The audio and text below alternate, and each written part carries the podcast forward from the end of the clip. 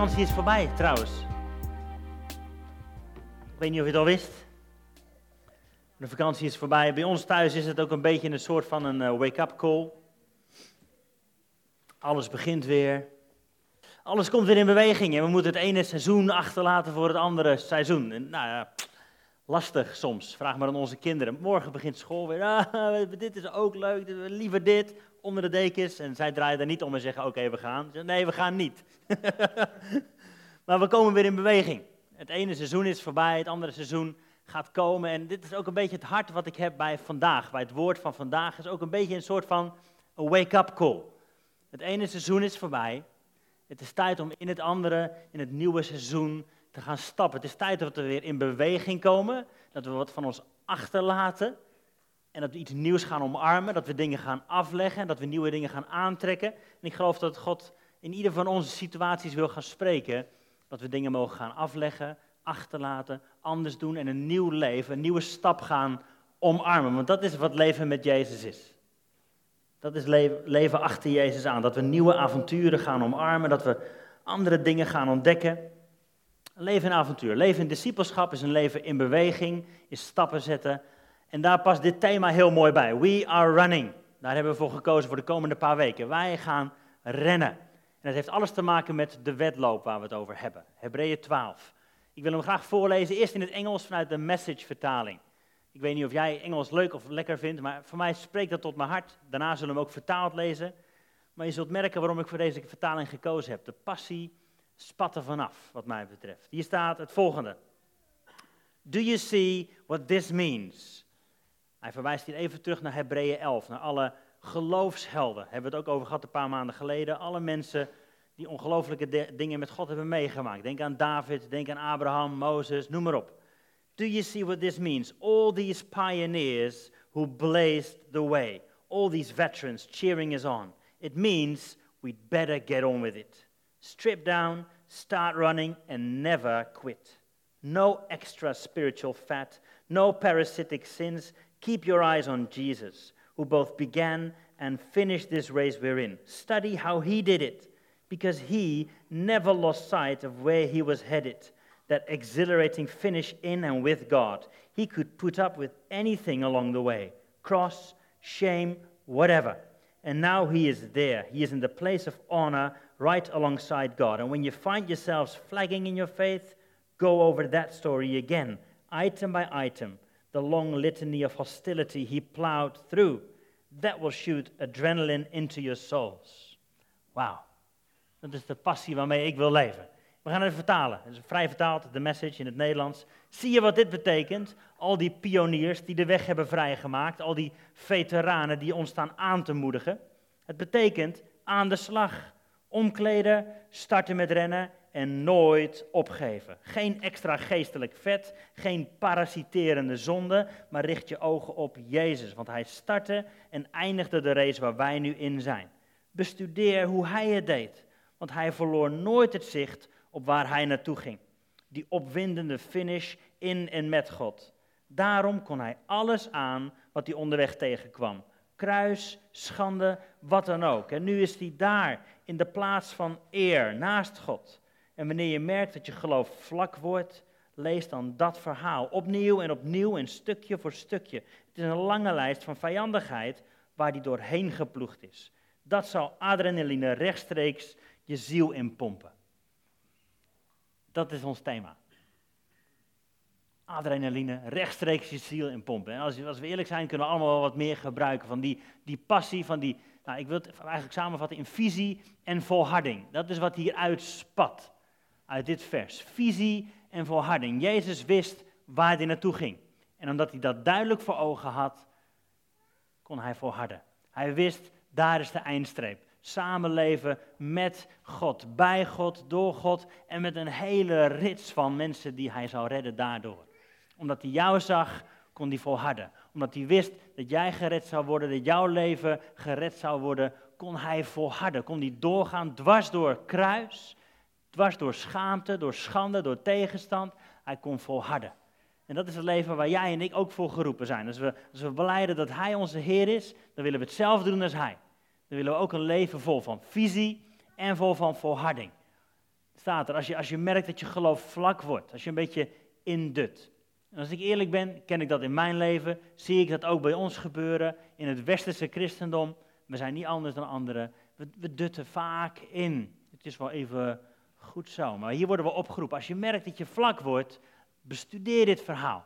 Kijk naar Jezus en doe wat hij deed. Hij zal, uit dit verhaal zal blijken dat je door kunt gaan als je visie hebt. Als je, je blijft volharden en vasthouden aan wie hij is, aan wat hij zegt, aan wat hij doet. Ook vandaag. Visie en volharding. Dat leidt wat mij betreft tot een leven vol van passie en avontuur. Adrenaline rechtstreeks in je ziel pompen. Even terug naar, naar onze visie. Wat, wat is jouw visie voor jouw leven? Heb je een visie voor jouw leven? Of is jouw visie, nou weet je wat, als we naar de hemel gaan, dan komt het allemaal wel goed. Of zo. Wat, wat, wat is je visie? Je visie bepaalt uiteindelijk hoe volhardend je bent. Hoe jij omgaat met tegenslag. Hoe jij omgaat met afgemat, met moeheid, met, met lauwheid, met, met tegenstand. Of met, met ziekte of met andere dingen die je tegenzitten. Wat is je visie? Als kerk hebben we ook een visie. We hebben het er poosje geleden over gehad. We dromen van een kerk die groeit en bloeit. Vol van sterke, stevige mensen die houden van Jezus en die dat uitdragen op allerlei verschillende manieren. We zien niet één kerk, we zien tientallen kerken. We zien Nederland opbloeien door, door, door wat Jezus gedaan heeft in ons leven en door ons leven heen. Dat is onze visie. En daarom kunnen we doorgaan. Dwars door supertijden, dwars door pittige tijden, maar we gaan vooruit. We zetten stapje voor stapje. Hoe zit het met jouw visie? Hoe zit het met jouw visie? En misschien kom je er achter dat je denkt, ja, mijn, nou, ik heb niet zo heel veel visie op dat gebied. Want wij maken vaak hokjes en vakjes. We denken, we hebben een geestelijk leven, we hebben een werkleven, we hebben een gezinsleven. Die hokjes en vakjes bestaan niet. We hebben één leven. Dit is wie we zijn en we leven ons leven met God.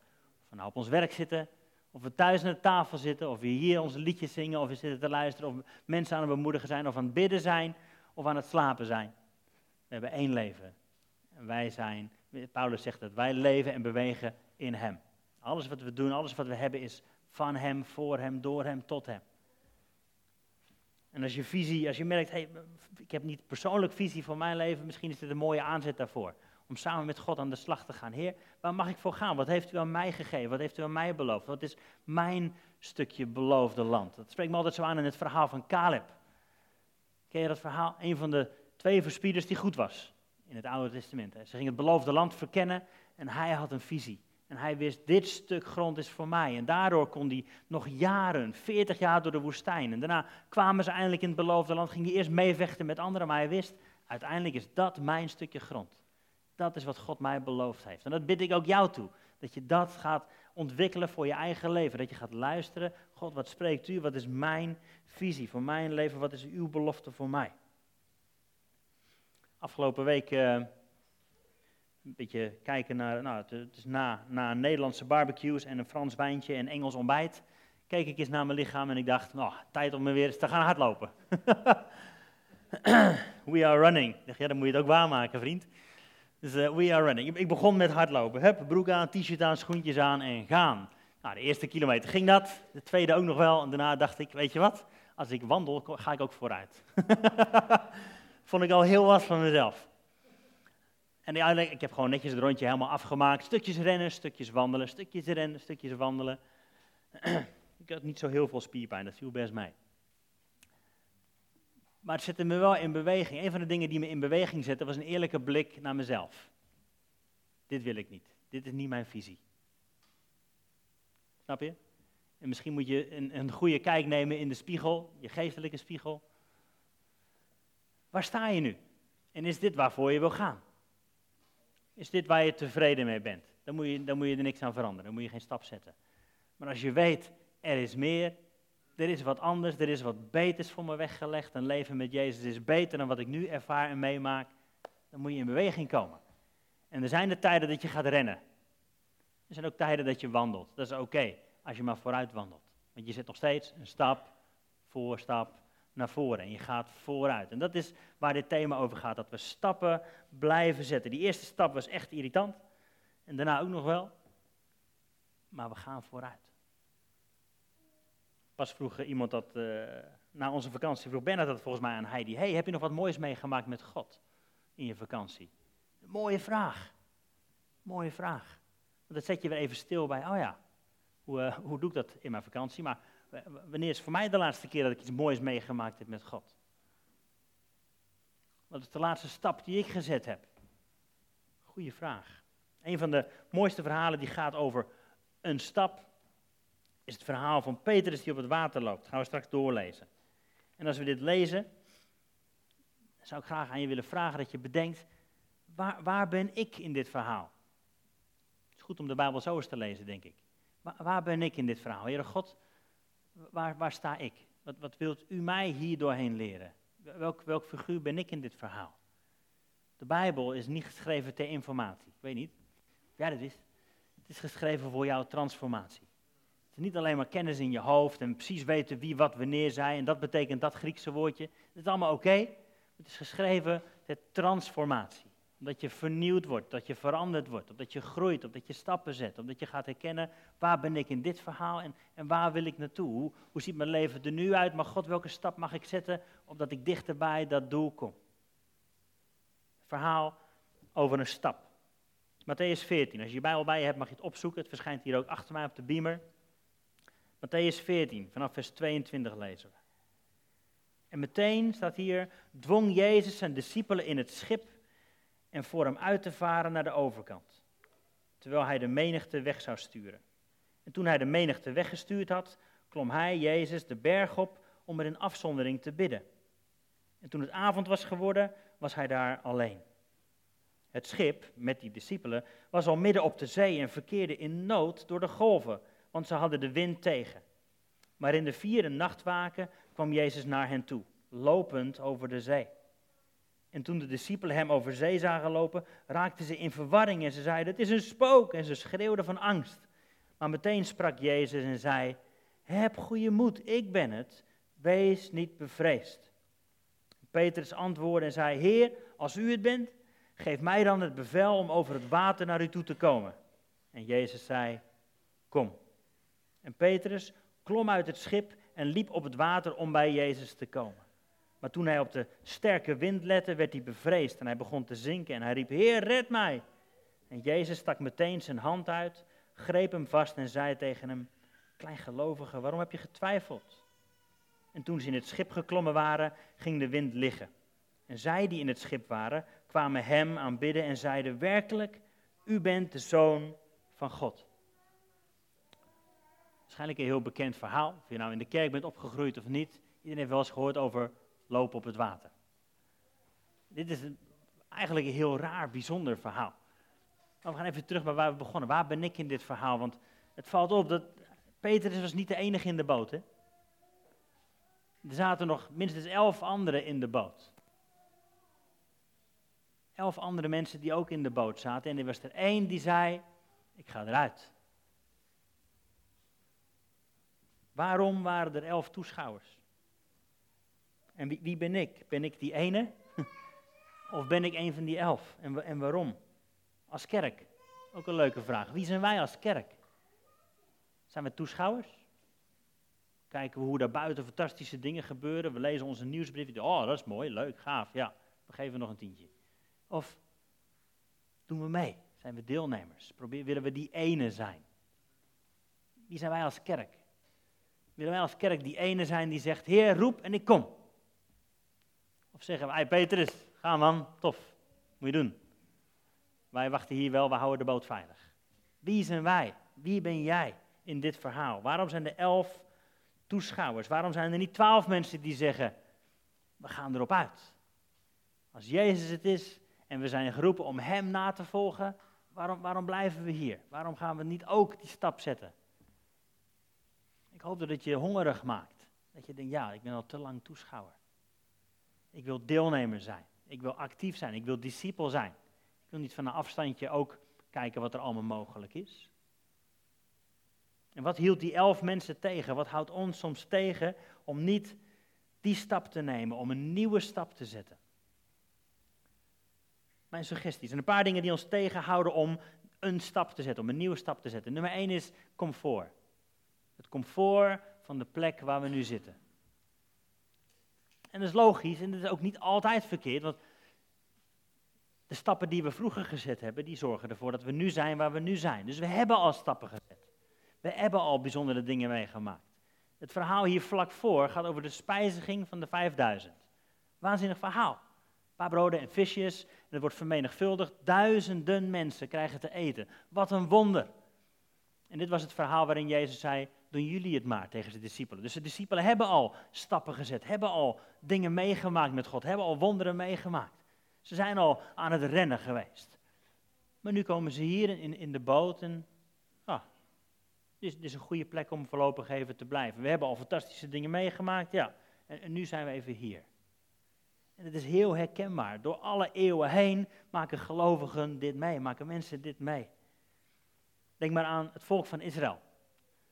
Ze liepen 40 jaar in de woestijn en op een gegeven moment kwamen de slangen en die beten ze en ze stierven. Weet je nog wat er gebeurde? Ze maakten een slang van brons en die, die zetten ze op een stok. En als ze dan daarna keken, dan werden ze genezen. Een wonder van God. Bijzonder. Ze hadden een slang gemaakt en daardoor, dus ze werden genezen als ze dat deden. Wauw, een wonder van God. Fantastisch, ze hadden iets moois meegemaakt. Weet je wat er eeuwen later met die slang gebeurd was? Dat werd een afgod in de tempel. Iets wat ooit gehoorzaamheid was, ooit wat, wat ooit een bijzondere stap met God was, werd, een afgod.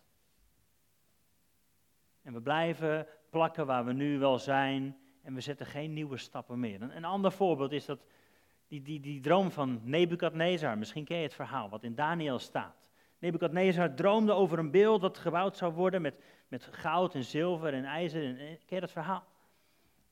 Weet je wat het eerste was wat die koning daarna deed? Hij liet dat beeld bouwen.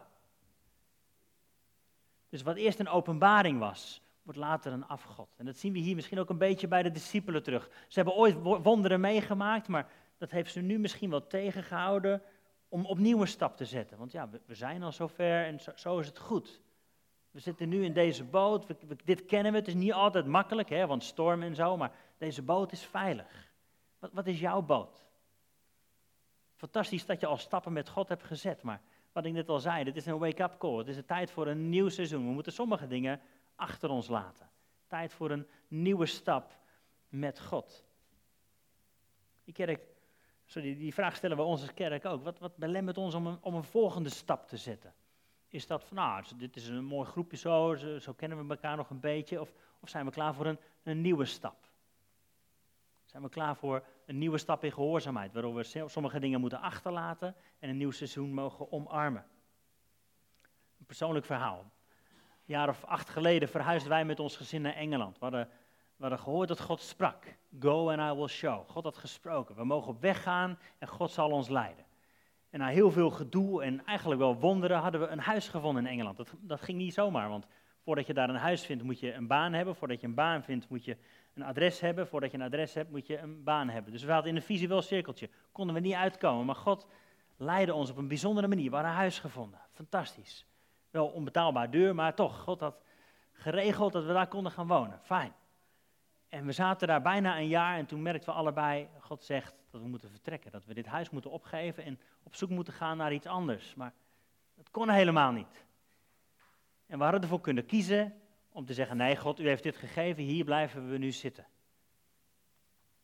En dat was voor ons geen optie meer. We hadden, we hadden geproefd van het leven van, van avontuur, van stappen zetten. En ook al was het eng en kostte het veel. En was het soms best spannend. En hebben we, ik geloof, in zes weken zijn we zes keer verhuisd. Uiteindelijk heeft God voorzien en heeft hij ons geleid naar iets moois en iets beters. Waar we meer gasten konden ontvangen. Maar wat belemmert jou om een volgende stap te zetten? Is dat dat wat God tot nu toe al gedaan heeft? Is dat het huis waar je nu al in woont? Is dat, wat is je boot? Die boot belemmert ons om een volgende stap te zetten. Iets anders wat ons belemmert, naast ons comfort van waar we nu zijn, is, wat ik net al zei, die, die toeschouwermentaliteit. Er waren elf toeschouwers. Elf mensen die keken hoe Petrus die stap zette.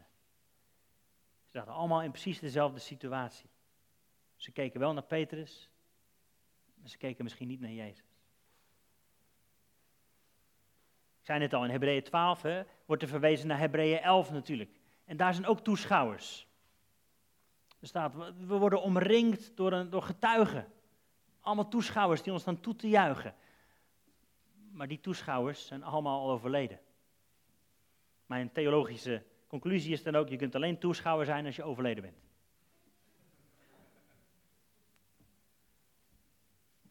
Makkelijker kunnen we die maken. Je kunt alleen toeschouwer zijn als je overleden bent. Dan mag je in het rijtje staan, dan mag je anderen aanmoedigen en zelf niks meer hoeven. Maar dat geldt niet voor jou en mij. Wij leven met Jezus. In Hem leven en bewegen wij. En dat betekent stappen zetten. Van heerlijkheid naar heerlijkheid. Dat we groeien in geloof. Dat we groeien in gehoorzaamheid. Dat we geen toeschouwermentaliteit hebben. En dat kan op alle gebieden van je leven. Dat geldt ook voor ons op zondag.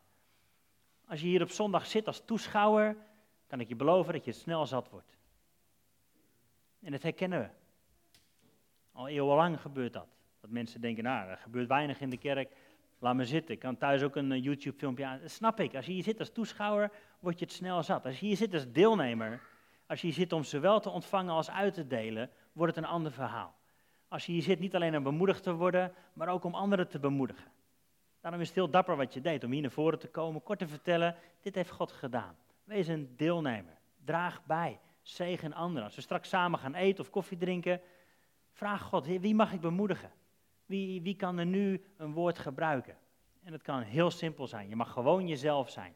Maar geef iets van jezelf aan anderen. Wees geen toeschouwer, wees een deelnemer. Ander dingetje wat het kan verraden is, hoe, hoe bid je?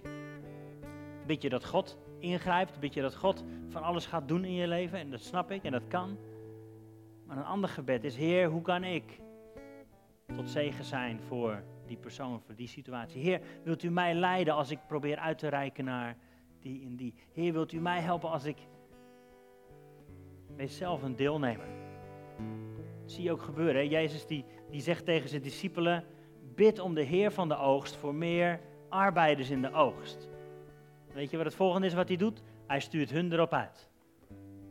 Ze zijn zelf het antwoord op hun gebed. Dat geldt ook voor jou op heel veel vlakken, denk ik. Dat je zelf geactiveerd wordt, toegerust wordt.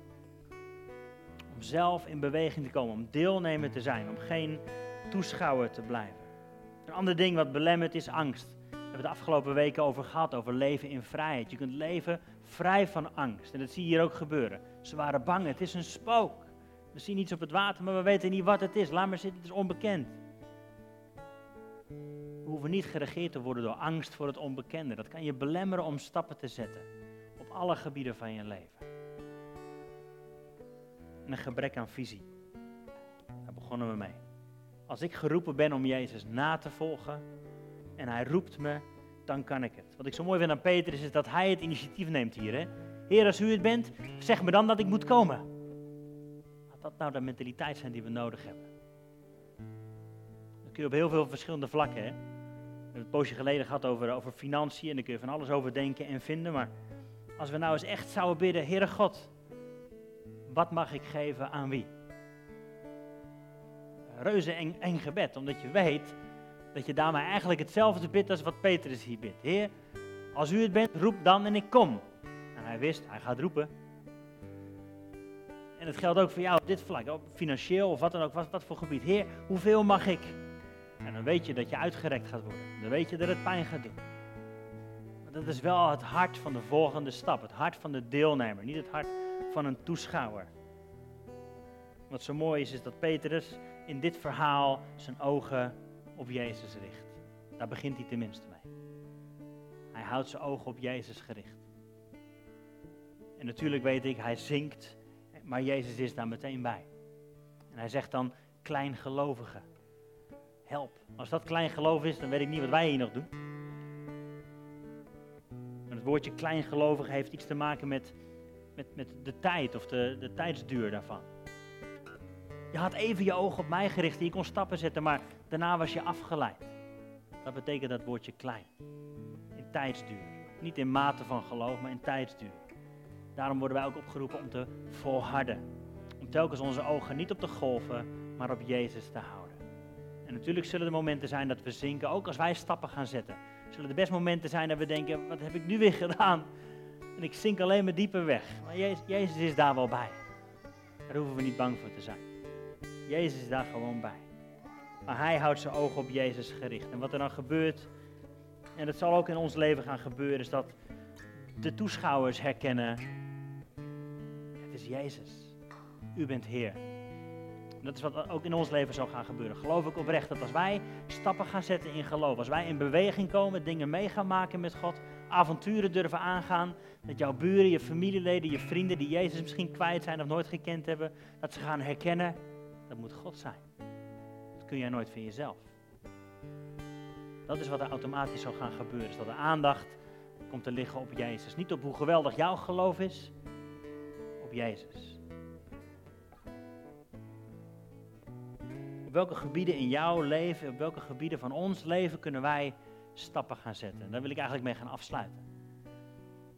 En het heel persoonlijk gaan maken. Op welke gebieden mag jij stappen gaan zetten? Goed om eens terug te kijken. Wat ik, wat ik ook deed toen ik in de spiegel keek, dat ik dacht, oeps, dit wou ik niet. Kijk eens naar jezelf met een eerlijke blik. Waar, waar sta ik nu?